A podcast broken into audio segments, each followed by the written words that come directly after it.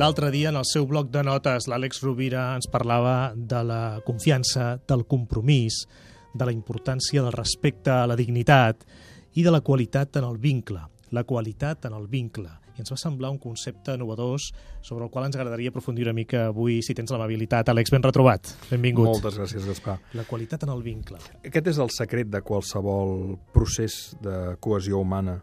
Um, no, no, no rau tant en, la, en, en el talent individual, sinó en la cohesió i sobretot l'articulació del talent. I això neix necessàriament de la qualitat que som capaços de generar en el vincle, perquè la qualitat vincular es pot sostenir espontàniament per química durant un temps, però sobretot el vincle s'ha de treballar, s'ha de, de lubricar, s'ha de cuidar, s'ha d'evitar que, que rovelli. Um, I en aquest punt, la idea que espontàniament associaria seria la manca de formació que tenim i el gran desafiament i oportunitat per educar els nostres infants en el que en podríem anomenar la intel·ligència psicoafectiva. Um, som uns grans estranys per nosaltres mateixos. La psicologia històricament ha quedat ubicada en el territori de la gestió de la patologia, d'una fília, d'una fòbia, d'un dol, um, però poques vegades, eh, i sobretot en els plans curriculars dels alumnes, excepte en els de la pròpia facultat de psicologia, i ja no diguem en personal que, que, que treballa en el món de la salut sovint no, no, no reben cap mena d'educació o de formació psicològica. Crec que el gran desafiament és aquest, és a dir, que ens eduquin a comprendre'ns millor i a comprendre millor l'altre, a comprendre com, es, com funcionem, els diferents perfils de personalitat, els canals de comunicació natural de cada perfil, el que és empàtic, l'emoció, el que és més metòdic, el pensament, el que és més perseverant, els valors, el que és més somiador, que li concretin l'acció, el que és més rebel, creatiu, la provocació i l'humor. És a dir, tota la pedagogia ben entesa eh, sobre les estructures de personalitat i la psicologia clínica ha quedat en el territori de la malaltia. Quan això ben entès i ben aplicat en el territori de, del potencial humà, del desenvolupament de les capacitats, dona molt de joc. En la mesura en què nosaltres ens comprenguéssim millor i comprenguéssim millor l'altre, deixaríem de projectar.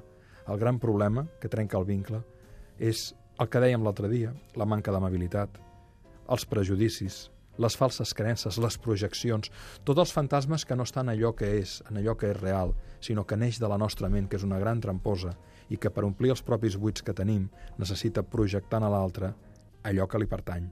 Si hi hagués un sistema que ens permetés netejar això, la qualitat vincular seria molt més alta i, en definitiva, tots els processos de relació, de negociació, fins i tot aquells on, on no hi ha acord, discorrerien d'una manera on el mal, el dolor moral emocional i en, el, en, en la matèria seria molt menor.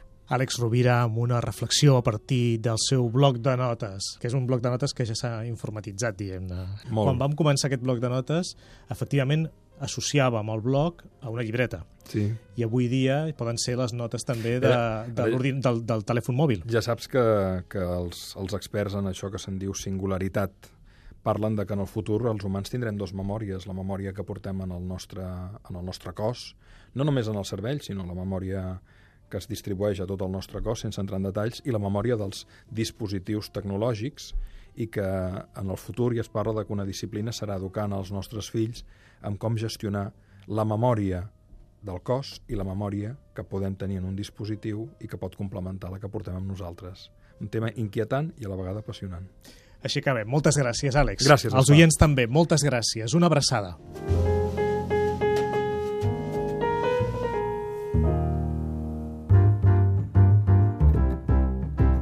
L'ofici de viure el fem l'Elisabet Pedrosa, el guió i a la coordinació, l'Eduard Nas a la realització tècnica. Moltes de les musiquetes que senten els oients de les sintonies són escollides per l'Eduard Nas. El fem més de 50 col·laboradors, psicòlegs, filòsofs i sobretot el feu vosaltres, els oients.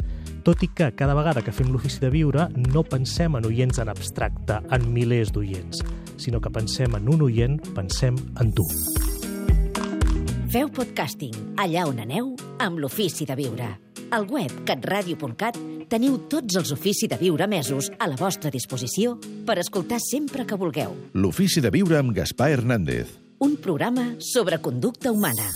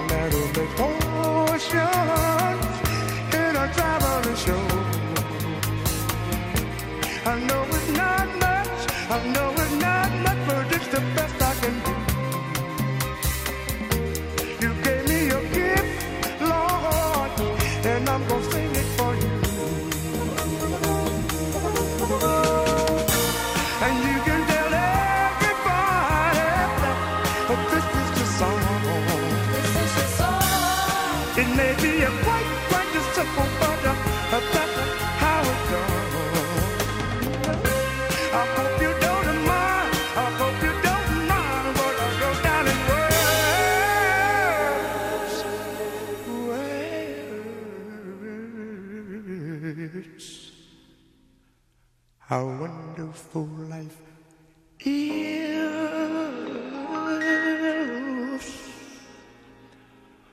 when you're in the world, world, world. If, if, if I was on rooftop, I'd kick off my shoes, kick off my shoes, kick my shoes. All right.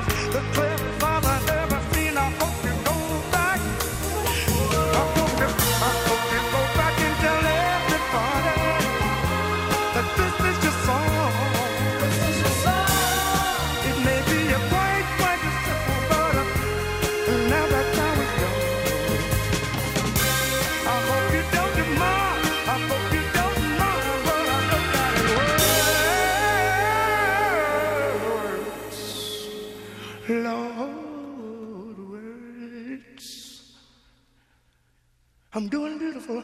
How wonderful it is when you're in the world. world.